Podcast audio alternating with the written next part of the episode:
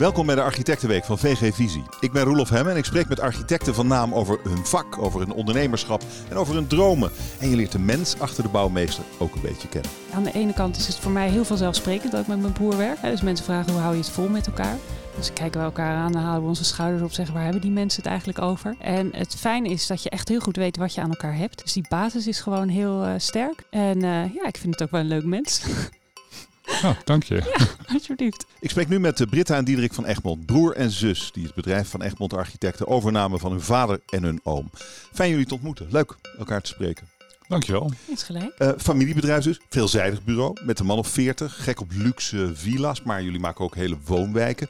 Het lijkt me leuk om dit gesprek af te trappen met wat prikkelende vragen over de dynamiek tussen broer en zus in een uh, onderneming. Ja. Uh, ik wil graag dat jullie tegelijk antwoorden en daarna is er natuurlijk ruimte voor toelichting. Let op, wie is de betere architect van jullie beiden? Hij. Ik zeker. nou, daar zijn jullie het dan in elk geval over eens. Waarom is hij de betere architect? Nou, dat vind ik niet, maar het leek me wel aardig voor hem. Oh, en waarom vind je zelf dat je de beste bent? Nou, ik denk ook dat het meevalt. Maar, uh, want Britt en ik doen echt heel veel samen. En wij maar zitten... jij bent de betere architect. Nou ja, uiteindelijk altijd. Dus dat kan ik alleen maar beamen. Waarom is dat zo? Nee, dat is onzin. Nee. Ik denk wel dat wij... Uh, nee, omdat het echt serieus gelijk opgaat. En dat je allebei heb je, je specifieke aandachtsgebieden die gewoon verschillend zijn. Dus uh, het kan zomaar zijn dat ik veel beter ben in, uh, een bij een bepaalde opdrachtgever die, die specifieke mm. wensen heeft, die mij gewoon meer aanspreken en waarbij ik gewoon mm. meer verdieping zoek. En het kan zomaar zijn dat, dat iemand anders juist zegt van nee, ik vind het heel fijn om met Britta te werken, want die heeft gewoon andere punten die goed zijn. Het, Let op, wie van jullie heeft het beste zakelijke instinct? Britta. Vindt Britta dat zelf ook? Nou, ik vind dat Diet en ik een goed duo zijn. Want mensen vragen wel eens van ja, hoe hou je het vol joh met je broer? Maar de vraag is eigenlijk, wie heeft het beste zakelijke instinct? Ja, ja, Jij. maar waar wij dus goed in zijn, is uh, elkaar een goede voorzet geven en dan, uh, ja, dan maakt de ander hem af. Dus ik denk dat dat wel, uh, wel echt heel belangrijk is. En dat we zakelijk ook vaak echt wel op één lijn zitten. En dat het bij ons allebei broeit. En de ene keer is de een die hem scoort en de andere keer is het de ander. En dat is, is wel gaaf. Is zij meer de killer? Nou, ik heb ook nog eens een keer een voorliefde voor uh, exotische automobielen. En dat gaat nooit goed samen met zakelijk instinct. Dus ik denk dat dat wel min of meer mijn eigen glazen ingooien. Exotische automobielen, wat zijn dat dan? Nee, ik hou erg van, van mooie auto's. Dus ik rijd zelf ook een, een, een Porsche en dan ook een, een Turbo S. En niet om daar stoer over te doen, maar omdat ik dat echt technisch zo mateloos gaaf en fascinerend vind. En dat zijn wel dingen dat ik zeg, Brit, ik zou dat echt gaaf vinden om te doen. En er zit geen enkele zakelijke uh, afweging in die dat goed zou kunnen praten. en dan zegt Brit van, ja, doe maar. Nou ja, en naast ja. elkaar dus, dus ah. uh, voorzetjes geven, zijn we ook wel af en toe wel elkaars rem. Waarbij dat ook heel goed is, dat als de een iets bedenkt wat misschien iets, nou, niet zo'n goed idee is, dat de ander dat dan ook kan zeggen. dat heb ik minder. wie, wie van jullie is, uh, heeft het meeste creatieve talent? Oei, nou, ik heb wel zelf echt, ja, ik als uh, jong, als jong meisje, als jong meisje, uh, was wel eigenlijk het enige waar ik me echt super zeker in voelde, was creatieve dingen doen. Dus knutselen, fantasiewerelden bedenken. Um, tekenen, handvaardigheid, daar leefde ik voor. Dus de hele schoolweek keek ik uit naar die vrijdagmiddag, dat ene lullige uurtje dat we mochten knutselen. Daar leefde ik voor. Is zij de uh, creatief het best van jullie twee, Diederik? Met enige pijn in mijn hart, ja. Hoe, hoe weet je dat? Wat, wanneer, want jullie moeten alle twee creatief zijn. Ja, denk nou, ik in jullie vak. Hoe weet je dat zij creatiever is? Kun je een voorbeeld geven? Ja, zeker. En dat zit feitelijk al in, in de opleiding tot architect die wij hebben doorlopen. Daar ben ik zeer uh, beta-achtig uh, door de TU Delft gegaan. En daarna nog uh, Tokyo Institute Technology. wat echt wel gewoon hardcore ingenieurstudies zijn. Britta heeft de kunstacademie gedaan, uh, wel afstuderen richting architectuur. En daarna inderdaad nog in uh, Londen verder gestudeerd. In wel meer conceptuele opleidingen die voorbij kwamen.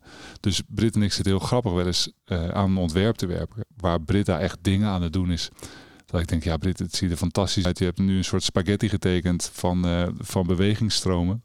Maar het moet ook gewoon een gebouw zijn. Dus laten we ook wel even een goed stramien eronder leggen om te kijken hoe we het goed en efficiënt kunnen bouwen. En de uh, meerwaarde die we daar samen in genereren, die is natuurlijk super geestig. En daar zit ook wel.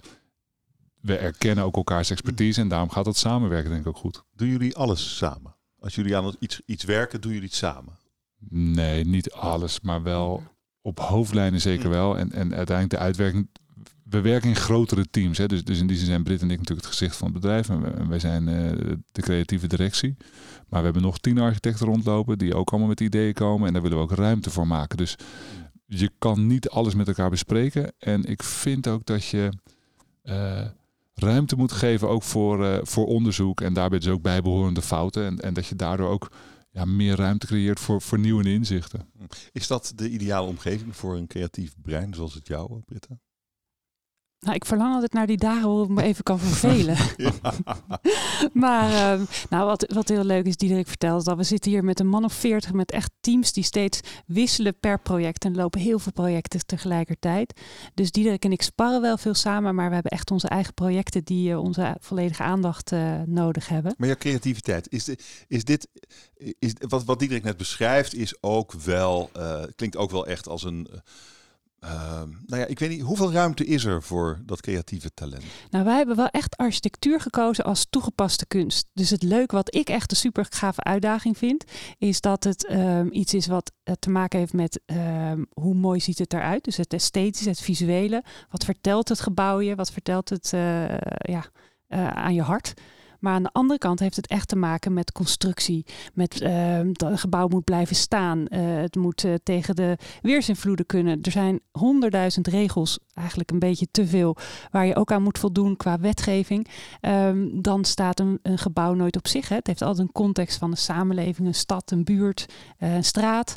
Dus er komt zoveel meer bij kijken. En dat, dat breed kijken naar een, eh, een thema, dus echt een visie op wat is dan fijn wonen fijn leven, hoe geven we de maatschappij vorm met elkaar, dat gaat door al die schaalgebieden heen. Van de mooiste interieurs met de kleinste details en de meest uitgedachte meubelstukken naar woningen, naar dus die huizen of die stadsblokken waar opeens bijvoorbeeld 400 eh, gezinnen komen te wonen. Dus dat zijn natuurlijk hele creatieve processen die in verschillende schaalniveaus spelen. Wie Dat van is jullie is de grootste stresskip? Nou, nee. Nee, jullie hebben geen stress. Nee, alle, alle- nee ja, natuurlijk. Je hebt wel, je hebt wel spanning. En, en eh, vergis niet, de architectuur is echt een, eh een urenbusiness waarbij je lange dagen maakt. Dus ik heb eh, ook Nachten. deze week weer gewoon... Ja, wij beginnen rond een uur of negen en dan rond een uur of tien, elf ga je naar huis. En wij hebben de mazzel dat we, dat we vlakbij wonen. Dus tussentijds lunch ik bijvoorbeeld met de kinderen of eet ik met de Oh, wilde kinderen. net Maar zeggen, jullie, volgens mij hebben jullie allebei drie kinderen. ja, dat is ook wel een uitdaging. Zeker nu in coronatijd. Maar En dan twaalf uur per dag weg. Hm. Of meer. Ja, dat, dat.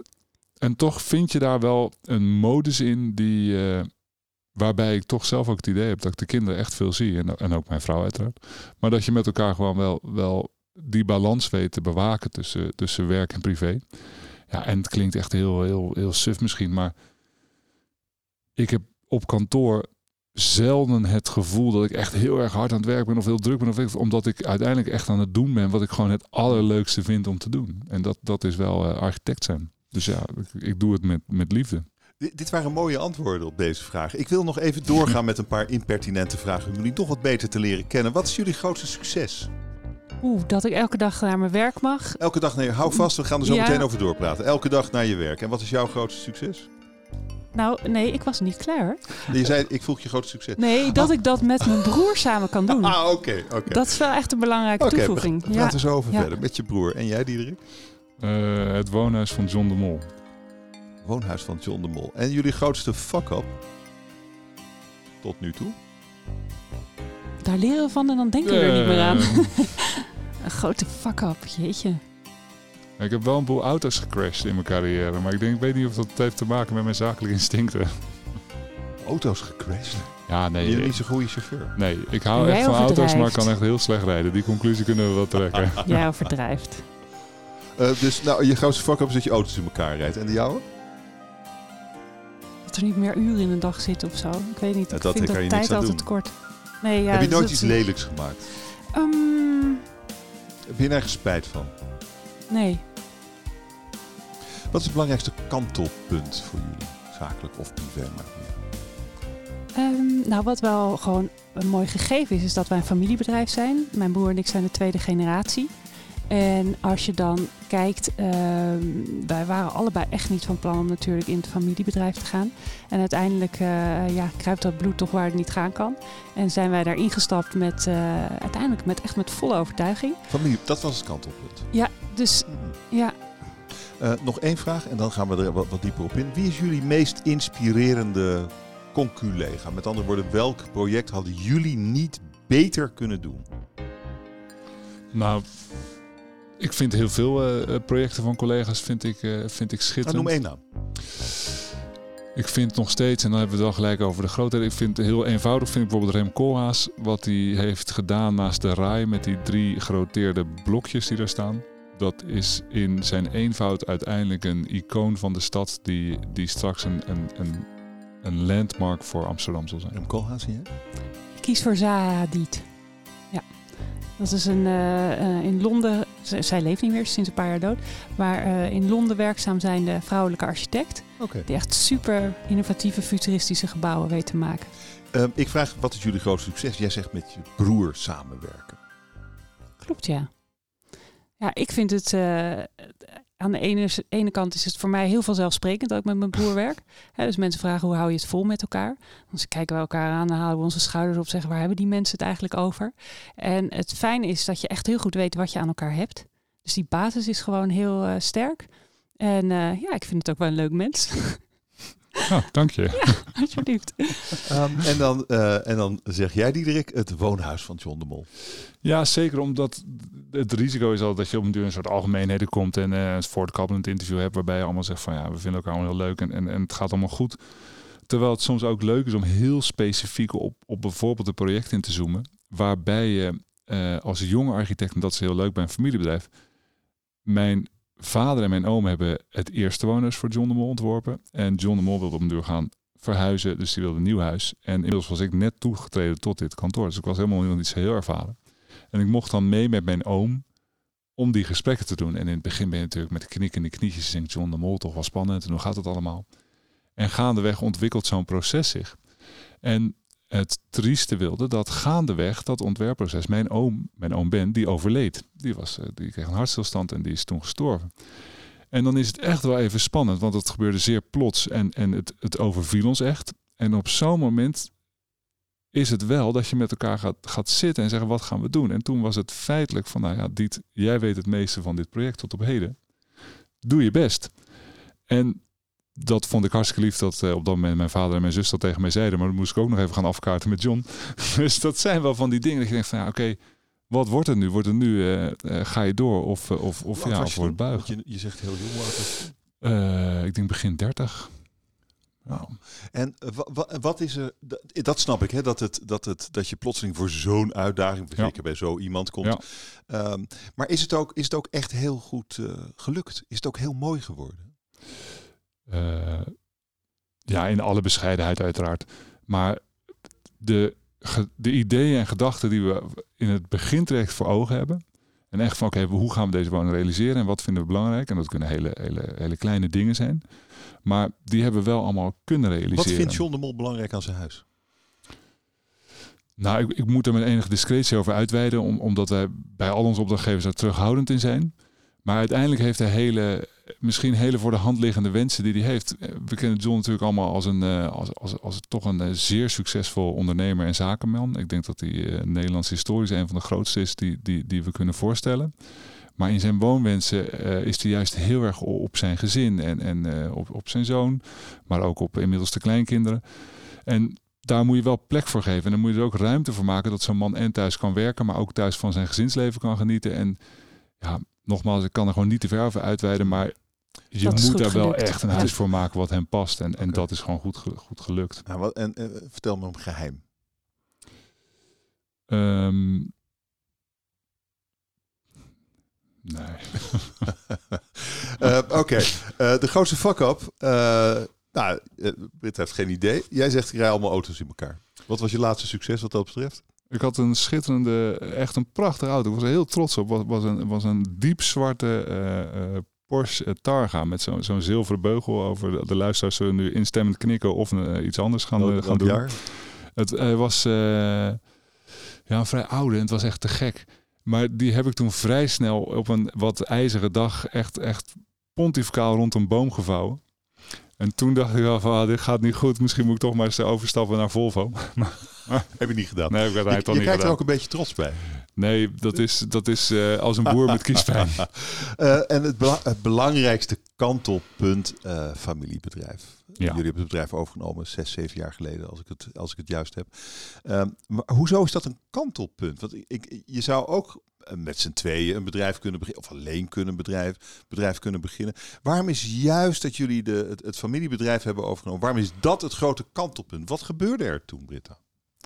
Nou, ik was in mijn. eh, Ik was nog aan het afstuderen in Londen aan de Architecture Association. En toen mocht ik met mijn vader meewerken aan een eh supermooi moderne opdracht in de Noordelijkse Duinen. En ik was eigenlijk van plan om in Londen te blijven wonen en daar te werken. En toen ben ik eh, in de zomermaanden begonnen met hem aan dat huis. En dat beviel eigenlijk zo goed dat ik ben gebleven. En eh dus terugverkast naar Nederland. Eh, een, een fantastische eerste echte architectuuropdracht van een hele moderne, een beetje deconstructivistische villa in de duinen. Dus dat was, dat was een super mooie kans en een hele mooie ervaring om met je vader te doen. En toen ben ik zo van het ene in het andere in het familiebedrijf eh, eh, ja, eigenlijk steeds meer ervaringen, eh, ja, kennis opgedaan. En na een aantal jaren dacht ik, nou, het zou wel lekker zijn als ik dit in de toekomst niet alleen hoef te doen, want je moet toch tegen zo'n Hmm. oudere generatie opboksen. Dus toen heb ik mijn broer opgeroepen, die ook architectuur studeerde. Aha. En inmiddels afgestudeerd was en bij Kees Dam in Amsterdam werkzaam was. Dus ik zei, joh broer Diederik, wil je niet even snel met mij dit bedrijf komen doen? Dus eh, nou ja, dat klinkt alsof dat even snel is. Daar denk je natuurlijk best wel over na. Maar aan de andere kant voelt het ook gewoon best heel vertrouwd om dat met elkaar te doen.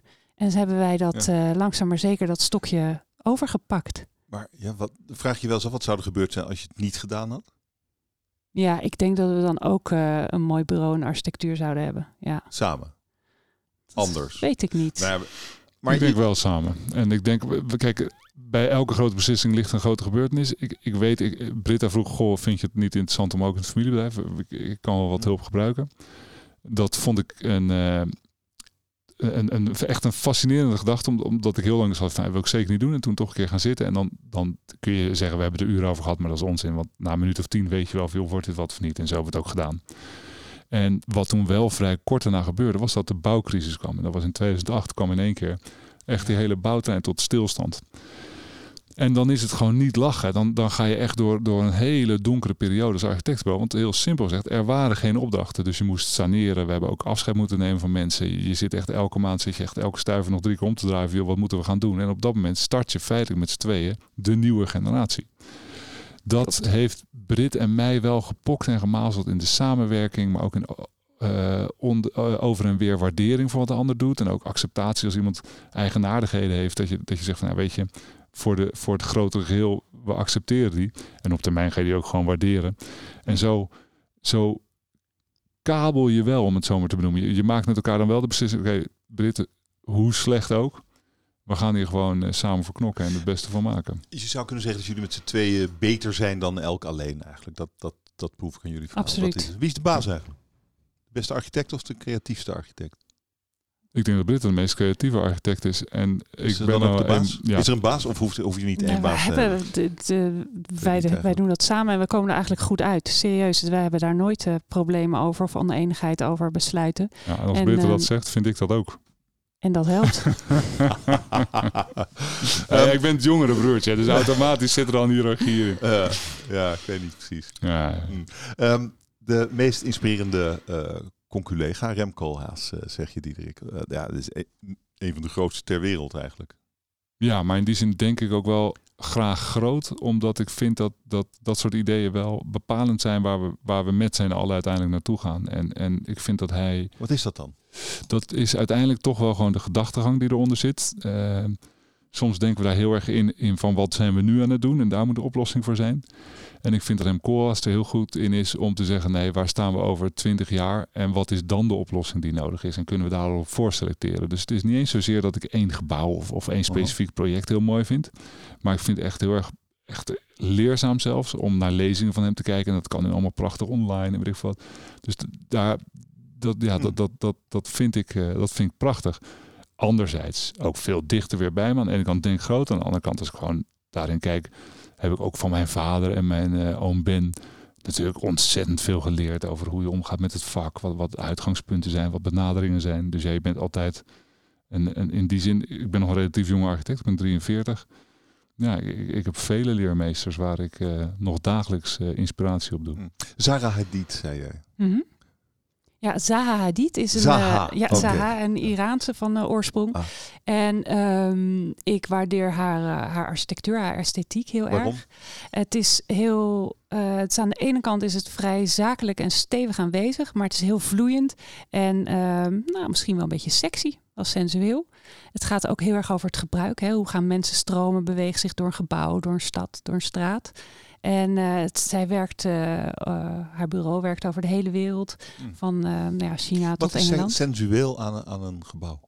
Oeh, dat zijn bijvoorbeeld vloeiende vormen, ronde dingen. Uh, ja, daar kunnen we natuurlijk heel lang over spreken. Wat sensueel is, de materialisering, hoe het voelt, de textuur, mm.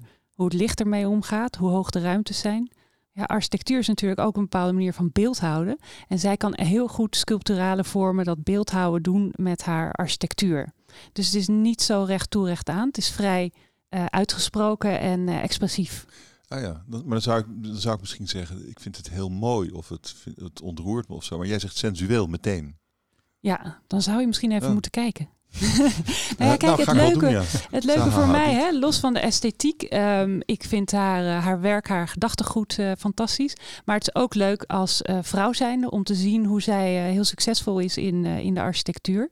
Wat van oudsher en nog steeds een zeer door mannen gedomineerd veld is. En het is leuk om te zien hoe zij daar um, ja, een voorbeeld is voor, voor andere vrouwen en meisjes die ook iets willen doen in de technische of architectuurvakgroep. Waar werken jullie op dit moment aan? Wat is het grote ding nu? Wij werken feitelijk, gezien de omvang van bureau, ons bureau, echt wel aan, aan tientallen opdrachten tegelijkertijd. Uh, en in die zin is het een beetje een vraag, wie is je favoriete kind? Dus, dus dat vind ik een lastige. Ik weet wel dat op dit moment werk ik aan een aantal echt uh, grote villa's, wat ik echt ontzettend leuk vind om aan te werken. Maar we werken ook een heel groot stadsblok in Leiden met uh, 400 appartementen. En die gaat heel erg over mobiliteit. En dat vind ik dan als autoliefhebber heel interessant. Want ergens ben je dus heel erg geneigd om te denken van... goh, zoveel appartementen is zoveel parkeerplaatsen en zo moeten we het oplossen. In Leiden, dat, dat is het project Ananas. Ja, zeker. En, ja. en weet je, de, los van welke specifieke project, ja. met name die omvang is heel fascinerend. Omdat ik daarin dan toch heel gaaf vind om te kijken van... ja, wacht even... Uh, hebben we straks niet gewoon allemaal veel meer deelauto's? Hebben we veel meer een deeleconomie? Uh, hoe bewegen we ons dan? Uh, is, het, is het nu rijden we nog allemaal zelf? Heb je straks niet gewoon allemaal zelfrijdende bussen, auto's en dat soort dingen? Dus daar denk je veel meer over na dan in het traditionele uh, mobiliteitsplan van dit moment. Dus in die zin vind ik daar heel, heel gaaf aan van goh. Hoe ziet mobiliteit in de toekomst eruit? En villa's, hè? voor wie maak je al die villa's? Je noemde John de Mol, daar kan je natuurlijk niet meer overheen in Nederland. Maar voor, voor, wie, nou, voor wie bouw je al die villa's? Als je zover je er iets over wilt en kunt zeggen hoor. Nou, ik kan er best wel het een en ander over vertellen, maar ik, ik moet altijd heel discreet zijn met, met specifieke mensen per, uh, uh, of specifieke wensen per opdrachtgever. Maar wij werken op dit moment voor heel veel uh, uh, oprichters van uh, ICT-bedrijven. Dus denk aan Niels Verwij van Dekbed Discounter, die daar een schitterend bedrijf uit de grond heeft gestampt. En ik denk een van de meest inspirerende ondernemers van dit moment is. Daar doen we een schitterend huis voor. We doen een aantal huizen voor de oprichters van Adyen. Dat is fantastisch. En zo zijn er nog een aantal beursgenoteerde bedrijven die onlangs naar de beurs zijn gegaan en die gewoon in relatief korte tijd toch een, uh, een, een, zeer uh, succesvolle business case hebben gehad. En dus dat daar zijn mensen die hebben opeens een enorm vermogen. En dan, ja. en dan komen ze naar jou voor een huis. Ja.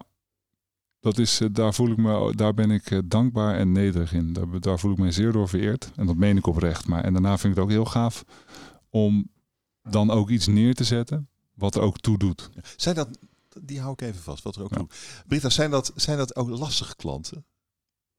Nee, het leuke van, uh, van, eigenlijk van, van onze verschillende projecten is dat we ook heel veel verschillende opdrachtgevers hebben.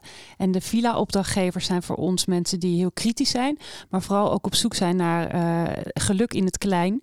Dus zorgen dat het voor uh, hun partner, zichzelf, hun gezin eigenlijk een optimale omgeving is waar ze ja. gewoon gelukkig kunnen zijn. En, en dan kan alles, want Ik, ik, oh, dat, zijn, dat zijn miljoenen projecten, misschien wel ja. soms wel tientallen. Tallen, dat, dat zijn enorm. Dus dan kan je heel veel doen. Dus voor architect natuurlijk heel erg gaaf. Ja, heel veel kunnen doen eh, heeft niet altijd met budget te maken, maar er is natuurlijk wel veel meer geld om in detail alles door te werken. Wat zou Dus, zo'n detail kunnen zijn? Kun je een Ehm, voorbeeld geven? Nou, wij hebben intern een interieurstudio, dus we hebben verschillende interieurarchitecten bij ons in huis. Dus wij vinden het belangrijk dat de architectuur een plaats krijgt, maar vooral ook de interieur. Dus we ontwerpen de huizen van binnen naar buiten, van buiten naar binnen. En ehm, dan gaat het over prachtige maatwerkmeubels, een bar in huis, eh, ja, home cinema's, eh, yogakamers, eh, f- fitness, wellness, zwembaden, maar ook gewoon hele fijne werkkamers, heerlijke woonkamers, grote terrassen, veranda's, eh Hmm. buitenverblijven. Ja, dat gaat natuurlijk maar door dan. En je, je zet ze ook in de duinen. Vind je dat niet zonde? Nou, we zetten ze. Het is niet zo dat we daar, waar net zo'n leuk stukje duin is, dat we daar opeens een huis zetten. Het is heel veel dat in Nederland is natuurlijk alles geregeld. Dus er is heel duidelijk aangegeven waar je wel niet mag bouwen. En dan is het duin eh, daar waar je mag bouwen. Een prachtige leefomgeving. Ehm, wat, wat is nou de, als je al die eh, projecten direct naast elkaar legt, wat is, wat, is daar, wat is dan jullie essentie? Nou, de essentie is dan wel dat je een gebouw neerzet wat, waarvan je continu bewust van bent dat het een gebouw is wat, wat ons betreft daar dus decennia dan wel eeuwen zal staan. Dus in die zin heb ik een bloedhekel aan een soort wegwerparchitectuur die, die alleen een oplossing heeft voor, voor hedendaagse problematieken. Ik vind dat je een gebouw zo moet ontwerpen dat het eh, goed blijft voor, eh, voor veel langere tijd. En dat je ook niet mee moet gaan in, eh, in de waan van een, eh, een aannemer of een ontwikkelaar die zegt van ja, eh, het moet allemaal wat goedkoper en wat simpeler, want anders dan komt mijn Excel-sheet niet uit. Soms moet je ook echt die strijd aangaan en zeggen ja, wacht even, we zijn hier juist op die bijzondere duintop wat aan het ontwerpen. En dat kan een kantorengebouw zijn of een woonhuis of een woonwijk, dat doet er dan niet eens meer toe. Maar zorg dan ook dat je een meerwaarde op die plek genereert. Dat niet alleen de gebruiker van dat pand of, of attributen er genot van heeft, maar dat ook de hele omgeving en dan mensen die er langs fietsen of die er langs wandelen, dat die ook zeggen van wow, dit is echt geslaagd. Dit, dit is echt iets wat, wat deze plek nodig had. We gaan voor duurzame en vitale gebouwen die iets doen Ja. met de gebruiker, maar ook met de omgeving. Het probleem is natuurlijk, hoe, hoe weet je dat? En is, het, is dat dan ook voor iedereen hetzelfde? Nee, natuurlijk niet. Maar Nee. je moet heel wat- kritisch moet je naar een plek krijgen. En dan kun je best zeggen tegen mensen die ook in de omgeving zitten van ja, wat u zegt is niet waar. Of, of u kijkt alleen maar naar uw eigen belang. Kijk, we hebben natuurlijk heel veel eigen belangen die bij elkaar komen. En hoe krijgen die nou tot een besef van nee, maar jongens, als we dit doen, is dat voor iedereen beter. Ja, maar hoe, En- hoe, weet je, hoe weet je dat het voor iedereen beter is? Eh, door die dialoog aan te gaan en daar open in te gaan, bereid zijn om eh, meningen van anderen ook echt, echt tot je te nemen. Maar daarna wel tegen, kritisch tegen daglicht houden. En op een duur gewoon te toetsen. Gewoon zeggen, ja, we gaan het gewoon eens kijken. En dat doe je eerst in 3D-modellen of, of in, in, in een burgerparticipatie. Dat je een inloopavond organiseert waar iedereen gewoon ongezouten zijn mening kan geven. En waarbij iemand met plat Amsterdamse procent kan zeggen van... Ah jongen, je hebt er helemaal niks van begrepen. Dus ik nou ja, goh, laten we nog één keer goed naar kijken dan. En dan kom je uiteindelijk tot de mooiste ontwerpen en de beste gebouwen. En heeft dat ooit echt iets wezenlijks opgeleverd? Bijvoorbeeld zo'n burgerparticipatieavond. Ja, ja, zeker. Anders heb je het gewoon slecht georganiseerd. Als je, als je, daar, als je het doet voor de bühne van ja, we hebben het nou eenmaal gedaan en, en we kunnen het afstrepen zodat Mm. eh, van goh, dan, dan, dan heb je er geen kloot aan. Maar op het moment dat je zegt van nee, ik ga met die mensen in gesprek en ik luister naar wat ze zeggen en daar kan heel veel onzin tussen zitten, maar er kunnen echt wel, er zit ook zomaar een paar dingen in die wel interessant zijn om te doen. Dan moet je dat gewoon meenemen. Dan moet je daar gewoon niet arrogant in zijn. Maar moet je gewoon zeggen, of ook gewoon toegeven, joh, ik zat ernaast en misschien moeten we toch meer die kant op buigen. Britta, wat is, wat is de, de, in jouw opinie de staat van de architect- architectuur op dit moment? Als je om je heen kijkt. Nou, je ziet dat in de afgelopen jaren van, eh, van eh, welvaart er ook heel veel aandacht was voor, eh, voor architectuur. En dat er heel veel kon en dat er ook veel waardering voor is. Je ziet dat er nu ehm, in de tijd dat we moeten worstelen met ons ruimtegebruik en ruimte, de ruimte die er is, kijken we echt naar wat wordt nou de nieuwe samenleving? Hoe krijgen we al die mensen in een soort gelukkige of goede samenleving met elkaar. Dus enerzijds doen wij die hele dure villa's echt gaan om het individu. En anderzijds hebben we de maatschappelijke relevantie. Hè? Wat is er goed voor het collectief? Of wat kun je daaraan bijdragen? En ehm, je ziet dat voor architectuur de komende tijd er heel veel behoefte is aan woningen. Voor betaalbare woningen, waar jonge mensen kunnen wonen, waar ehm, eh, ja, plek is voor veel mensen uh, op een kleine oppervlakte. En dan uh, zul je zien dat er ook heel erg de nood komt om snel en goedkoop te produceren. En voor architectuur is dat nu uh, eigenlijk de problematiek om met elkaar te zoeken hoe krijg je kwalitatief goede, mooie huizen die niet alleen goedkoop zijn, maar dus ook een bijdrage geven in de beleving en daarmee een duurzaam aspect geven. Ja, en, en hoe, hoe doe jij dat dan, jullie? Um, nou, wij, zijn, wij vinden het heel erg leuk om ook die grote projecten te doen, waar zoveel bij elkaar komt. Ja, en, doet zo ook um, 400, 500 woningen? Ja. Hele wijken? Ja, zeker. Torens, wijken, stadsblokken. Wij zorgen dat, er, um, dat we goed nadenken, dat we met een visie dat aangaan. Dat het niet alleen gaat om de stenen, maar ook om uh, hoe zijn dat dan bijvoorbeeld uh, stadstuinen, binnenplaatsen. Hoe kom je aan? Kan die auto er buiten blijven? Hoeft die niet in het zicht? Dus zorgen dat je ook in de randvoorwaarden kwaliteit genereert. En die architectuur natuurlijk moeten wij dan ook wel eens vechten voor detaillering en vakmanschap. Dus dat, dat blijft. Dus je, je grootste vijand is eigenlijk lelijkheid? Onnadenkendheid. Onnadenkendheid. Visieloosheid. Het is belangrijk dat je een rode draad kunt vinden in een uh, innovatieve gedachte van hoe willen wij met elkaar vooruit of hoe willen wij het leven vormgeven. Dat is natuurlijk van alle tijden. Ja. En nu is dat met uh, alle gezondheidscrisis, milieucrisis, uh, noem maar op, de, de bankencrisis. Er zijn natuurlijk best wel momenten in onze samenleving waarop we heel veel dingen gaan herrangschikken.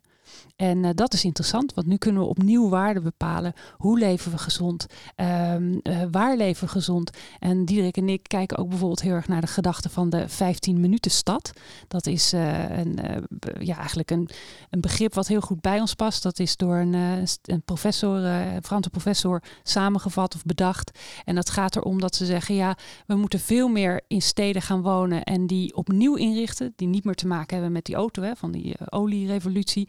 We gaan nu naar een groene revolutie. We gaan duurzaam bouwen. Dus auto's uit de stad, veel groen, veel parken. En die 15 minuten slaat erop dat alles te voet of te fiets uh, gehaald kan worden. Dus je, je gezonde voedsel, je sporten, je recreatie, de gezelligheid van de mensen onderling. Dus ik denk dat we naar een heel interessante tijd gaan, waarin wij als architecten in ieder geval ons heel erg willen inzetten om onze leefomgeving opnieuw te bekijken. En, en, en dat is jouw grote bijdrage aan de wereld. Ja, en dat begint heel klein bij die individuele opdrachtgever die, uh, die zijn mooie villa, zijn eigen kleine woondroom heeft. En dat gaat zover als, ja, je hoopt natuurlijk een grote bijdrage, maar met onze architectuur wil je bescheiden bijdrage geven aan die uh, maatschappelijke um, wat, veel ver, wat veel verder gaat dan schoonheid. Veel verder. Uh, we hebben nu natuurlijk te maken met die coronacrisis, waardoor we allemaal thuiswerken.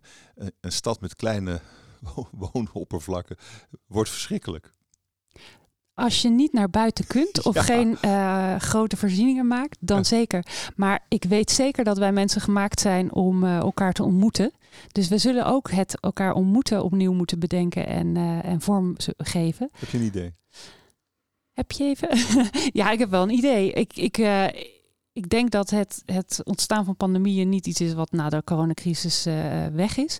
Maar we moeten veel meer aandacht geven aan um, uh, die, die parken waar we buiten kunnen zijn. Kijk, als je nu in de stad driehoog uh, achter woont, je kunt de straat niet op, want er rijden, rijden auto's of er is geen groen. Dus als we dat soort dingen terugbrengen, dan zul je ook zien dat er best veel ruimte is die we anders moeten gaan gebruiken. Dus het is vooral het om switchen van de bestaande ruimtes en die op een gezonde en uh, uh, ja, ja, attractieve manier vormgeven. Dus niet alleen verdichten, maar ook verruimen eigenlijk. Ja, verruimen, vergroenen. Functies wijzigen. Als je ja. alleen al kijkt naar al die parkeerplekken, die, die, die, die plaatsen, als dat, als dat een park kan worden, omdat we het parkeren eronder doen, of dat we minder parkeren hebben, maar meer deelauto's, of dat we investeren in openbaar vervoer, dan kun je zo makkelijk binnen het bestaande weefsel ruimte winnen. En je ziet ook door de opkomst van internet dat je nu ook veel gerichter een parkeerplaats kan vinden. Of, of, of weet veel waar kan ik naartoe en hoe kan ik dan verder reizen. Daar zie je ook heel veel start-ups in. Waardoor ook dat eindeloze parkeren of rondjes rijden over zo'n grachtengorde op zoek naar een plekje. Als je dat al veel meer kan verminderen, dan win je al werelden. Ehm, ik, ik, ik zei net, eh, je kan eigenlijk in Nederland niet boven John de Mol uit, maar dat kan best. Jullie doen ook het Koninklijk Huis. Ja, dat klopt. Dat klopt, ja. Wat? Oei. Nee, ja, dat, Nou ja, dat, eh, daar mogen we niet te veel over zeggen, want dan worden we onthoofd. Ja. bij Maar Koninklijk Ja. Discreet. wat, ja. wat zou je er wel over kunnen? Wat hebben jullie gedaan? Wat, wat kan je er wel over vertellen? Ik vind het toch interessant hoor. Wij Nou, we hebben hebben een een- aantal ja. gezinsleden. We hebben een aantal gezinsleden gedaan. En dan passend bij hun eh, koninklijke statuur, maar ook passend binnen de, de, de kaders van maatschappelijk eh, uit te Oh, leggen. dit, dit is wat je moet zeggen. Ja, van- dus van, ik- ik- van de ik was het- ik was het aan het maar- voorlezen, ja. dus, maar Nee, we hebben gewoon hele mooie, Is- fijne familiehuizen gemaakt voor eh, het Koninklijk Huis. een punt. Punt. En dan zeg ik altijd, uiteindelijk hebben zij ook gewoon kinderen met wie ze gewoon veilig willen, veilig Ja. willen opgroeien. en Wat, wat, wat vinden jullie de zwakte van de architectuur op dit moment? We hadden het net al een beetje over Mhm. visieloosheid, onnadenkendheid. Ehm, maar waar zie je dat dan terug? Waar, waarvan denk je van, gadverdamme, Ja, dat hier is- heeft iemand voor honderd jaar iets verprutst. Ja, dat vind ik een heel makkelijk antwoord. Want in die zin, zet de televisie aan. En, en kijk dan iets verder. Want, want feitelijk is, waarom zijn al die mensen zo boos? Waarom bestormen die mensen met z'n allen een kapitol? Waarom staan ze op een museumplein te vechten met de ME? Dan kun je zeggen, die mensen zijn allemaal gek en dat is verschrikkelijk. En, en daarmee doe je het af. Daar hoef je er niet meer over na te denken. Dat is lekker makkelijk. Of kijk je van, ja, wacht even. In wat voor wijken wonen die mensen? Eh, waar worden die dagelijks mee geconfronteerd? Waarom hebben zij die woede? En als jij, laat ik dan dichtbij houden, maar stel je woont niet in zo'n schitterende villa, maar je woont drie hoog achter en je moet elke maand eh, de eindjes bij elkaar knopen en eh, je hebt in één keer drie kinderen thuis die in puberleeftijd zijn en, en dat gaat niet goed. En vervolgens zegt de minister doodleuk die wel op zijn huwelijk staat te zoenen met zijn schoonmoeder van je mag niet naar buiten. Dat wekt vrevel. Dat, dat snap je uiteindelijk allemaal. En die mensen kunnen dat ook niet kwijt. Want ze hebben een balkonnetje van 1 bij 2 waar ze, waar ze met z'n vieren op kunnen gaan staan s'avonds. Maar ook niet tegelijkertijd, want dan is het een samenscholingsverbod. Dat doen wij niet goed. Daar, daar moet je ook als, als, als architect en als stadsplanner veel meer over nadenken. Veel, geef die mensen ook letterlijk ruimte. En daar komt die nieuwe visie voor stedelijk wonen heel Ja. goed eh, eh, te pas. En dat gaat echt over hoe zorg je dat voor een hele grote groep, het collectief, het wonen gewoon goed is. Dat het fijn is, dat je gezond kunt zijn en dat de kansen gewoon er liggen om daar eh, ook eh, ja, mooie levens in op te bouwen. Dat is wel een heel groot en veelomvattend streven. Dat is zo. Maar dat is eigenlijk de grote. En wij doen dan dagelijks, huisje voor huisje, stadsblok voor stadsblok, eh, ontrafelen we die, die chaos van, eh, wat eigenlijk veel te complex is om ooit eh eventjes op te lossen. En zeker voor, voor mij als zielige architectje, om die wereldproblematiek op mijn schouders te nemen. Dat lukt niet, dat doen we ook niet. Maar we proberen daar wel over na te denken en dat eh, huis voor huis steeds een beetje beter te maken. Eh, jij, jij, jij bent ook te zien, eh, Britta, in een eh, RTL-programma waarin je makeovers maakt. En daarvoor gebruik je allerlei eh, nieuwe technologie, of redelijk nieuwe technologie, eh, virtual reality. Bijvoorbeeld. Eh, is, dat, is dat een gimmick voor de televisie? Of is dat iets wat misschien jouw vak ook wel zal veranderen? Nou, wat wij zien in ons eh, vakgebied is dat het, eh, eh, ja, er gebeurt heel veel. Heel veel digitalisering. dat zien we door dat wij op kantoor ook gebruik maken van die virtual reality, van 3D-modellen, het maken van films van onze ontwerpen. Eigenlijk kun je het beeld al een heel stuk tot leven laten komen voordat het gebouwd is. Want bouwen duurt natuurlijk minstens een jaar of zo. En dan kun je toch al van tevoren je visie vormgeven. En dat is wat mij zo aantrok in de tv-programma's, waar wij dan grote verbouwingen doen, grote makeovers van eh, ehm, ja, eigenlijk hele eh, gezellige gezinnen die er zelf niet uitkomen. En dan kon ik laten zien aan een groot publiek wat de mogelijkheden van verbeelding zijn, middels mijn passie, wat architectuur dan weer is. Dus daarom heb ik ervoor gekozen om daar ook eh, aan mee te doen. Het was heel leuk, daar ben ik voor gevraagd. En ik heb er wel even over nagedacht. Maar, maar verrast het jezelf ook wel eens dat je iets bedenkt en dat je het dan eh, zo zichtbaar maakt? Word je zelf toch wel eens verrast? Helpt het jou als architect ook? Ja, het helpt zeker. Wij beginnen onze ontwerpen vaak echt met grote bergen met schetsen. Dus dat is echt potloodwerk, pennenwerk. Maar al vrij snel gaat het de, de computer in, om het zo maar te Mhm. noemen. Dus we ontwerpen ook in 3D. Ook onze technische teams werken in 3D. Dat is dan allemaal in BIM, in Revit uitgewerkt. Zodat heel veel verschillende partijen in die modellen... Dat is een technisch verhaal, maar Nee, maar dat is wat je. Dat doe je al jaren. Wat, wat, wat, voegt, wat voegen deze technologieën toe aan, aan jouw werk? nou, je Eh, kunt iemand... Nieuw. Ja, het leuke is dat wat in mijn hoofd zit, veel makkelijker te communiceren is aan een ander. Dat is het. Je kunt het beter uitleggen. Absoluut. Voor jou voegt het natuurlijk verder niet zoveel toe. Want Nou, jij ik weet vind het, het ook al. Jij ziet het al. Ja, maar je ziet wel weer heel veel nieuwe dingen, aansluitingen. En het driedimensionaal denken is echt wel een dimensie erbij in je hoofd ook. Dus dat is Ja, wel echt een Klopt, meerwaarde. printen natuurlijk heel veel met de 3D-printer. Dus soms heb je een Ja, schetsje gemaakt heel- en die print je dan even uit Ja. om te zien van, goh, werkt dit wel? Of, of je hebt een idee waar, waar je op een duur, dat je gewoon denkt, volgens mij houdt mijn brein nu niet meer bij wat ik hier ruimtelijk bedoel. Laat ik het eens even printen of dit überhaupt nog blijft staan dat het kan. Nee, die nieuwe technieken, ja, Roelof, jij zegt nu van, goh, dat deed je al jaren. Nee, echt elke, elke maand zien we wel weer nieuwe plugins, nieuwe mogelijkheden, nieuwe, nieuwe, nieuwe toevoegingen aan programma's, waardoor er weer werelden voor je open gaan, waardoor we echt vormen kunnen maken die, die, die, die we niet voor denkbaar mogelijk hielden. Dat ik echt denk van, ah, dit is echt briljant, dit gaan we doen. Dus echt bewegend beeld toegevoegd aan de ontwerpen. Waar dat eerst platte tekeningen Ja, dat is waren. onwijs gaaf, dat is hartstikke leuk. Leeft dat, het? dat, Ja, fantastisch ik word daar heel doen. enthousiast van, zelf ook. ook. En je ziet het ook sneller als je iets maakt wat niet zo goed gelukt is. Dat is soms ook wel handig. Ja, maar dat zeg ik nooit. ja. Maar dan, dan tekenen we het even om. Ja. Maar ja, dat is ook, dat is ja. ook in de communicatie met je klant natuurlijk. Het diep teleurgestelde gezicht als Ja. je iets laat zien. Nee, dat heb ik gelukkig nog Nee. niet op die manier. Dat heb ik ondervangen. Jullie Ja. hebben dus eh, alle twee drie kinderen. Dat zijn er zes. Dat, wie, wie, wie gaat de tent overnemen over een tijdje? Zijn ze er? Zie je het nu al? Probeer het te promoten, maar ik krijg nog niet zoveel eh, voet aan de grond. Ik heb drie jongens, 12, 14, 16. Dus Hmm. die zijn volop in de bloei van hun eh, ontdekken waar hun talenten liggen. En eh, ik heb één zoon die kan waanzinnig koken. Ik heb er één die is heel, eh, kan heel goed praten. en, ik heb er één die kan heel goed denken. Dus we wachten het eventjes af wat het wordt. Klinkt wel goed. En, en, en jouw kinderen, Diederik? Nou, die drie van Britta komen ook vaak bij ons over de vloer. Dus ja, wij, wij kunnen heel goed luisteren. Ja, maar je zoekt, natuurlijk, je zoekt natuurlijk nu al naar een setje. Ja, dus ik, ben- die van Oh, mij zijn tenminste, 12, zou ik 10 en doen, 8. denk ik. Nee, we laten ze daar nog eh, volledig in vrij. En eh, op het moment dat ik echt denk van nu wil ik er vanaf, dan, dan kijk ik wel of er eentje beschikbaar is. Ach, jullie hebben nog een eeuwigheid te gaan. Daarom. Hartelijk dank voor dit gesprek. Dank Superleuk. Dankjewel. Dankjewel.